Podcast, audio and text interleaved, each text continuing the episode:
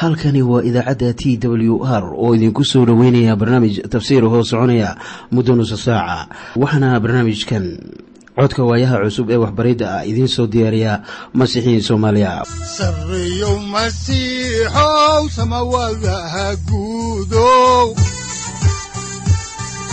Siraadkii adduunkow subanaha eebow sareyow masiixow samawadaha guudow siraadkii adduunkow subanaha eebow adigoo samada jiro ifkaan soo saldhiganba adigoo samada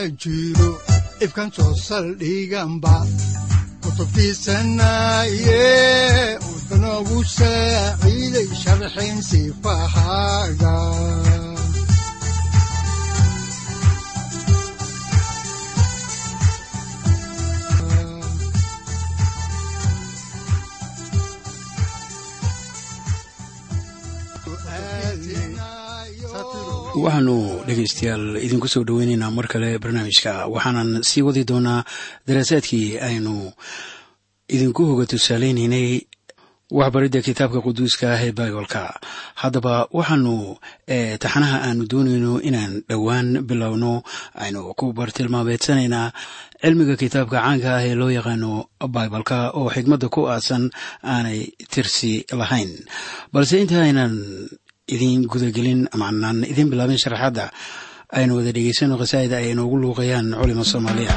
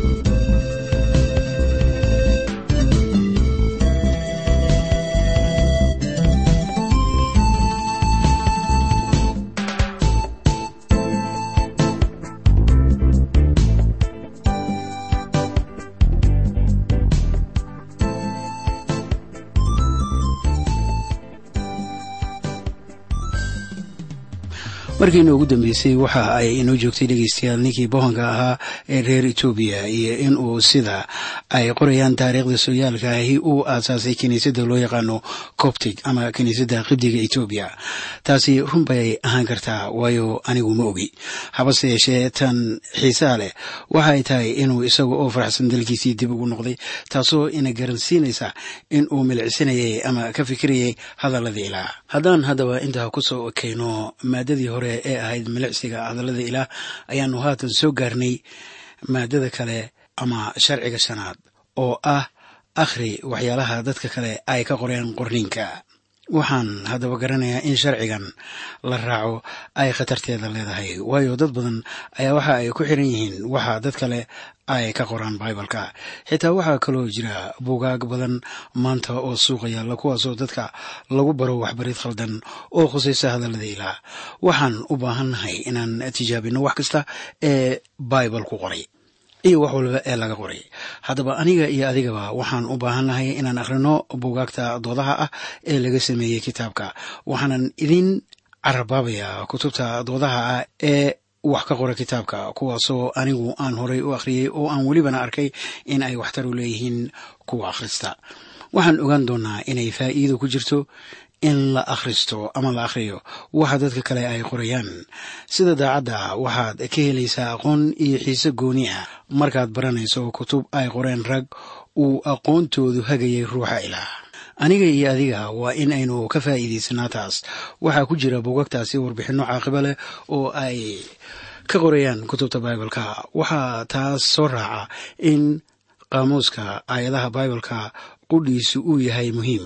Waxaanan idin barayaa saddex ka mid ah qaamuusyadaas. Waxaana ugu horreeya qaamuuska lagu magacaabo youngs concordance. Waxaa ku xiga kan kale ee la yidhaahdo strong concordance iyo crudence concordance. Kaa doonto ka qaado ama ka dooro waxaa kaloo aad u baahanaysaa qaamuuska ereyada bibaleka waxaana ugu wanaagsan qaamuuska loo yaqaano davis bible dictionary. Waxaa kaloo jira angus bible dictionary oo isaguna aad ugu fiican kuwiina daraasaadka ku sameynaya bibaleka haddaba macallin waliba iyo wacdiye kasta ee injiilka waxa uu haystaa buugaag waxbarasho.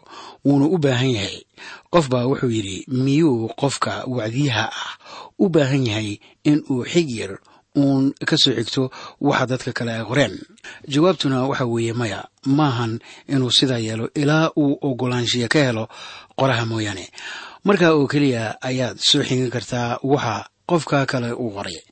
Ha yeeshee qofku waxa uu helayaa ruksad ay bixiyaan qorayaasha qaar. Waxaa la ii sheegay dad isticmaala qoraaladooda ah oo ay ka bixiyeen bibaleka haddana aan soo hadal qaadin qofkii qoraalka lahaa qorayaashaas qaarkood kalama jecla waxaase taasoo ay muujinaysaa dabiicadaha dadka kuwaasoo isticmaala qoraalada dadka kale. Haddana aan magacooda sheegin sida in iyagu ay qoreen. Ha yeeshee nin brofesora oo jaamacad wax ka dhiga ayaa arrinkaa isaga ah xal u helay. Maalin baa qof weydiiyey oo ku yidhi miyaan qoraalada dadka kale soo xigan karaa? Brofesorkii ayaa ku jawaabay oo yidhi waa khasab in aad ka daaqdo berrimada daaqa ee dadka kale. Laakiin waxaa la doonayaa in aad la timaado caano adigoo aad leedahay. Taasi waxa ay ka macno tahay inaad akhriso waxa dadka kale ay qoreen laakiin waa in aad fikirkaaga la timaado oo aad u qeexdo hab adiga kuu gaara. Taas xaq baad u leedahay. Arrinkase leh ahmiyadda ayaa waxay tahay in aan aqoonta kuwa kale ay ka qoreen hadalladii ilaah ka faa'iidaysano. Haddaan haddaba sharcigii shanaad ee ahaa in la akhriyo waxa dadka kale ay qoreen ama ay ka qoreen bibaleka intaa uga baxno ama ku dhaafno ayaanu haddana u gudagelaynaa qodobka lixaad oo ah adeec bibaleka in la fahmo oo la barto qorniinka ayaa waxaa muhiim u ah in marka hore la adeeco waxaa taas tusaale u ah noloshii ibraahim ilaah baa u muuqday isaga markii uu uga yeeray dhulkii reer kaldiyiin iyo welibana markii uu soo gaaray dhulkii loo ballanqaaday laakiin ibraahim waxa uu u cararay dalka masar markii abaari timid oo wakhtigaas oo uusan helin waxyi lagula hadlayay. Markiise uu dhulka dib ugu soo noqday ayaa mar kale ilaa la hadlay isaga oo maxay ahayd sababtu? Waxay ahayd adeecis la'aan ilaa ibraahim adeeco wixii ilaa horaan ugu muujiyey isaga. Ilaah diyaar uma ahan in uu xaqiiqo kale u muujiyo. Marka innaga ayay inay jirtaa inaan adeecno. Haddii aan adeecno ilaah wuxuu noo furayaa runta hadalladiisa xitaa injiilka oo isaga laynoo siiyey in uu nafsadayada badbaadiyo ayaa waxaa lagu bixiyey dan cayiman oo ah inaan adeecno marka hore. Haddaba qoraalka ugu weyn ee waraaqaha qorniinka ayaa noqonaya warqaddii loo qoray reer roma bawlosna waxa uu injiilka dhex keenay xaalka adeecista quseeye waxaana uu ku bilaabay oo yidhi sida ku qoran warqaddii reer roma cutubka koowaad aayadda shanaad oo leh kan aanu ku helnay nimco iyo rasuulnimo inaannu adeecidda rumaysadka magaciisa daraaddiis ugu geyno qurumaha oo dhan. Adeecista ahmiyadda ay leedahay meelo badan ayaa lagu sheegay waana arrin aan sinaba loo hareer mari karin markay joogto in ilaah la rumaysto. Haddii qofay ilaah rumaysan yahay haddana waa in uu adeeco amaradiisa. Waxaana rasuulku uu leeyahay kan aan ku helnay nimco iyo rasuulnimo inaannu adeecidda rumaysadka magaciisa daraaddiis ugu geyno qurumaha oo dhan. Waxaa taasina ay ka macno tahay in rumaysadka masiixa iyadoo oo la adeecayo in injiilka la gaarsiiyo qurumaha dhammaadka warqaddii reer roma ayaa haddana bawlos isla ereyga adeecista ku soo laabanaya oo waxa uu leeyahay sida ku qoran warqaddii rasuul bawlos u qoray reer roma cutubka lixii tobanaad aayadda lix iyo labaatanaad waxaana qorniinku leeyahay laakiinse haatan lagu muujiyey qorniinka nebiyada sida amarka ilaaha daa'imka ah oo qurumaha oo dhan loo ogeysiiyey inay adeecaan rumaysadka marka rasuul bawlos leeyahay adeecaan rumaysadka. Waa tii ugu dambeysay ee bawlos warqadan ku soo qaatay. Waa maxay u dhexeeya? Wuxuu inuu horkeenayaa waxa injiilku yahay oo ah qayb waxbarida oo weyn. Wuxuuna ku soo gunaanadaa qayb shaqo ah ee ah waxa ay tahay inaynu samayno. Bawlos wuxuu hareer dhigay injiilka xaalka adeecista. Adeecista rumaysadka waa halkii ay ku khaldameen abkow aadan iyo abootaxaawo xaawo. Ma ahayn keliya in ay shayddaanka maqashay kaa oo ah cadowga bani aadmiga laakiin waxa ay adeeci weysay ilaah. Adeecista ilaah waa arrin ahmiyadiisa leh waana inaan garanaa in ilaah uusan sii wadaynin in uu runta inoo muujiyo haddii aynu ku caasinno waa inaannu adeecnaa kitaabka. Haddii ay tahay inaannu guul ka gaarno akhrintiisa. Welibana adeecistu way ahmiyad ballaaran tahay. Waayo waxaa jira ku cabira masiixinimada aniga iyo adiga. Dad badan ayaa markaad waraysato arrinka masiixinimada waxa ay kuu sheegayaan hadallo isdhaafsiisan iyo kuturikuteen aad u badan. Qaar baa waxaay ku leeyihiin dadkan waxba ma aaminsana. Khamriga ayay iska cabaano wax waliba ayay sameeyaan ma tukadaan ilaahna kama cabsadaan. Waxaanay tusaale u soo qaadanayaan qof khamriye cab ah oo aan masiixiba ahayn. Waxa ay eegayaan magaciisa. Waxaanay ku shaabadaynayaan inuu masiix yahay. Haddaba wadaadka la yidhaahdo kowan ayaa si hagaagsan u sheegay markuu lahaa sida ugu wanaagsan ee injiilka loo daafaco. Waxa weeyaan in aad ku noolaato nolol istaahisha injiilka. Waa sidaas keliya sida aad ku caddayn karto in uu yahay injiilku hadallada ilaah niman wadaada ayaa laga soo wariyey in mid jeclaaday nooc bibaleka ka mid ah oo lagu magacaabo king james iyadoo oo uu ku sifeeyey ama ay ugu wacan tahay jacaylkiisa sida fudud ee uu qoran yahay iyo ereyada ingiriiska ah ee loo isticmaalay hadalka. Mid kalena waxauu yidhi waxa aan jecelahay american standard version waayo wuxuu yidhi waa cilmiyeysan yahay sida laysugu dheelitiriyay griiga iyo hebruga mid kalena waxau yidhi waxaan jecelahay bibaleka loo yaqaano modern translation waayo waxaa ku qoran ereyo cusub. Wadaadkii afraad waxau yidhi markii la weydiiyey kan uu jecel yahay. Waxaan jeclahay turjumada hooyadii. Waayo waxa ay ku turjuntay nolosha waana turjumada ugu wanaagsan ee aan arko abid. Haddaba bawlos oo la hadlaya reer corintos ayaa waxa uu leeyahay sida ku qoran warqadiisii labaad cutubka saddexaad aayadaha laba ilaa saddex oo leh idinku waxaad tihiin warqadayda ee qalbigayga ku qoran tan ay dadka oo dhammu garanayaan oo akhriyaan. Idinka oo muuqanaya inaad tihiin warqadda masiixa ee ah taanu ka adeegnay oo aan khad lagu qorin laakiinse lagu qoray ruuxa ilaah ee nool oo aan lagu qorin looxyada dhagaxa ah dushooda laakiin lagu qoray looxyo qalbiyo jiidh ah dushood. Waxaa meesha lagu adkaynayo waxa weeyaan in luuqad kastooo kitaabka lagu qoro ayan macno lahayn laakiin waxa macnaha leh ay tahay in hadalka uu soo maro ruuxa ilaaha noolkaas oo sida khad oo kale qalbiyada dadka ugu qoraya wixii la wacdiyey. Marka ruuxa ilaah uu yahay macalinka xitaa hadalka aynu ku hadlayno wuu dhismayaa oo micno gooniya ayuu yeelanayaa waayo aqoontii loo baanaa ayaa sidii loogu talagalay u baahaysa. Haddaba waxaa nin kale oo wadaada ahi uu qoray. Injiilka maalinba cutub ayaa la qorayay waxaana laga hadlayay camalada samayso iyo hadallada aad ku hadasho. Dadka waxay akhriyaan wixii aad tidhaahdo haddaayan rumaysad lahayn ama ay run yihiin waxaadse sheegtaa waxa injiilka adiga ku yahay. Hadalkaasi haddaba waa run. War maxay ahamiyad ballaaran tahay inaan adeecno baibalka waxaa welibana xaqiiqo ah in dhibaatooyin badan oo rumaystayaasha haysta ay kaga yimaadaan dhexdooda. Maxaa yeelay qof haysta diimo kale waxba kama dhex samayn karo. Alaba waxa ay dadka qaar ee jamaacooyinka ah bilaabayaan inay isku kala qaybiyaan qoys qoys iyo qabiil qabiil ama in ay isku kala qaybiyaan mutacalimiin iyo kuwa aqoonta yar. Taas ayaa keenaysa in ay nuglaadaan. Taasina waa sababta ay leedahay fallaaganimada ka dhex jirta jamaacooyinka qaar kuwaasoo ku kaca ururada masiixiyiinta taasoo ay ku jirto kiniisadda nin maalin mudaaharaad dhigayay ayaa waxaa boorkiisa ku qornaa maya kiniisadda haah ciise. Runta waxay tahay in kuwo badan oo qayb ka ah jamaacooyinka ay dadka ka leexinayaan dariiqa kiniisadda nin garyaqaan ahaa ayaa mar la weydiiyey waxa uusan u noqon masiixi. Markaasuu yidhi aniga qudhaydu masiixi baan noqon lahaa haddaanan la kulmin. Amaan la kulmi lahayn. Kuwo badan oo leh waxaanu nahay masiixiin waa kuwo uu kula kulmay maxkamadaha iyaga oo show dembiilayaal ah ama dad kale been ku dacweynaya.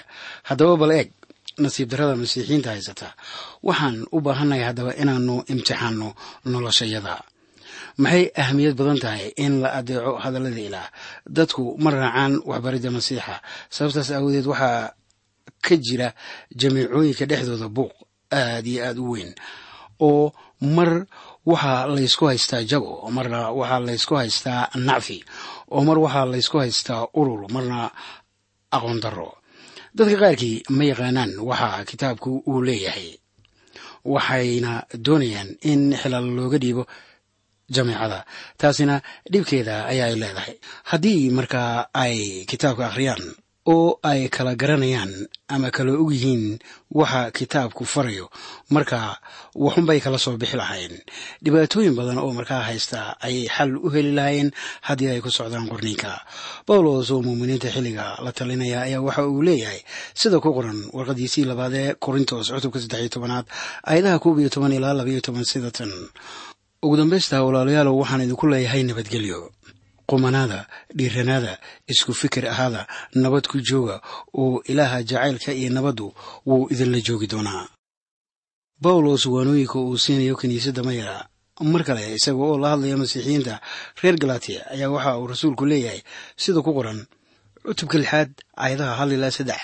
Waxaana qoran sida tan walaalayaalow nin haddii xadgudub lagu qabto kuwiina ruuxa raaca midka caynkaasa ku soo celiya qabow adiga oo isdhowraya si aan adna lagu jirrabin. Midba midka kale culaabta ha u qaado oo sidaas ku oofiya sharciga masiixa. Haddii nin isu malayo inuu wen yahay isaga oo aan waxba ku filnayn wuu iskhiyaanayaa miyaanay run ahayn haddaba in haddii nin xadgudbo inaan soo celinno. Xadgudubku wuxuu noqon karaa in dad uu la soo dagaalamay ama ay isqabtaan ama in dumar kale oo uu damcay inuu shukaamiyo lagu qabtay ama in uu waxday ama dad caayay oo uu u gafay ama naagtiisa garaacay ama uu wadaadada jamaacada caayay. Si kastoo ay tahayba waxaa la doonayaa in ninka caynkaas oo kale ah la soo celiyo iyada oo laysdhowrayo maxaa loo jeedaa iyada oo laysdhowrayo waxaa loo jeedaa inaan isaga lala safan ama aan toos looga hor iman.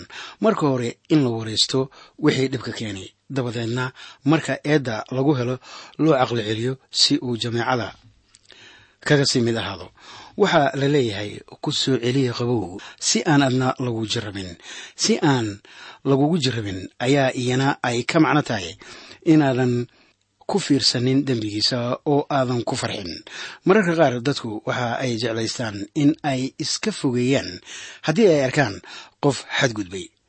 Ma rabaan inay wax ku darsadaan oo welibana way caayaan oo ku caayaan wixii uu sameeyey waxay yidhaahdaan warsaqajaankan hanoo keenin.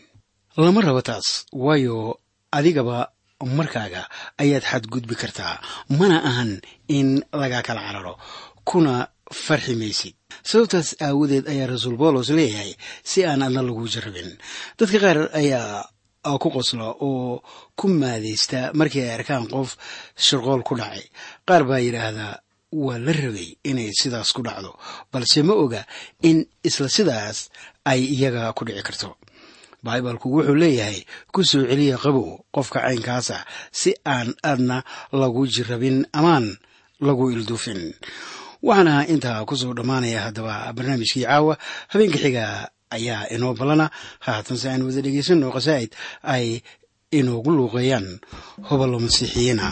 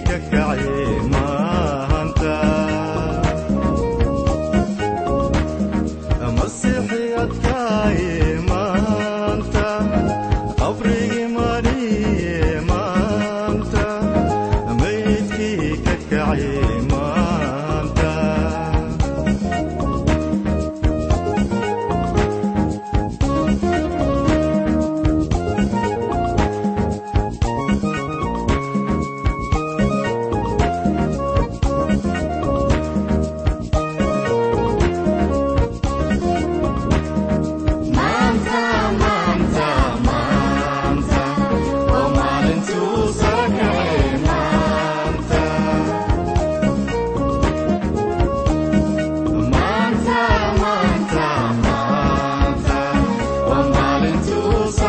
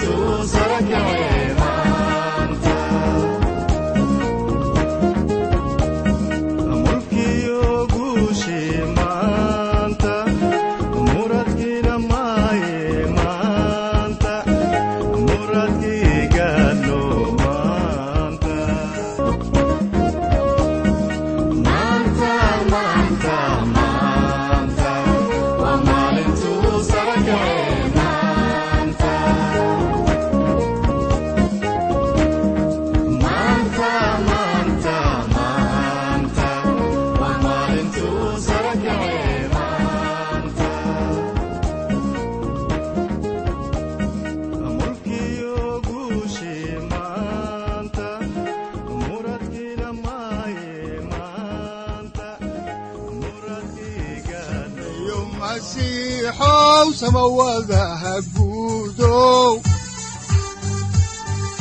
siraadkii adduunkow subanaha eebow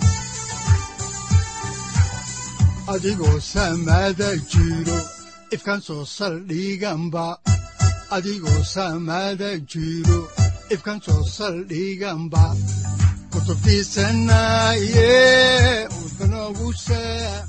halkani waa t w r idaacadda t w r oo idinku leh ilaa ha idin barakeeyo oo ha idinku anfaco wixii aad caawi ka maqasheen barnaamijka.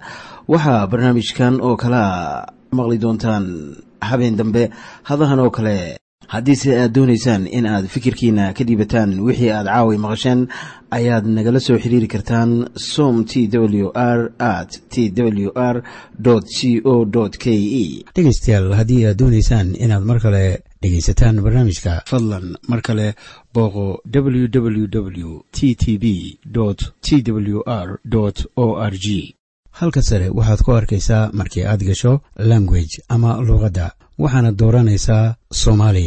Haddii aad doonaysaan in aad dejisataan oo kaydsataan barnaamijka ama aad mar kale dhegaysataan fadlan mar kale booqo www t t b t w r o r g ama haddii aad doonayso in laga kaalmeeyo dhinacyada fahamka kitaabka amase aad u baahan tahay duco fadlan fariimahaaga soo mari bogga aaraahda ama kommentska inana jawaab degdeg ah ayaanu ku soo diri doonaa amase ku siin doonaaye sareyow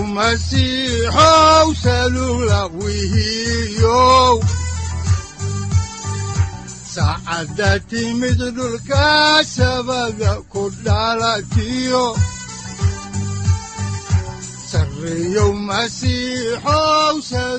halkani waa t w r oo idiin rajaynaya habeen baraare iyo barwaaqaba leh inta aynu ka gaari doono wakhti aynu ku kulanno barnaamij la mida kan caawayay aad maqasheen. Waxa aan idinku leeyahay nabadda ciise masiix ha idinku badato xagga jidhka iyo ruuxaba. Aamiin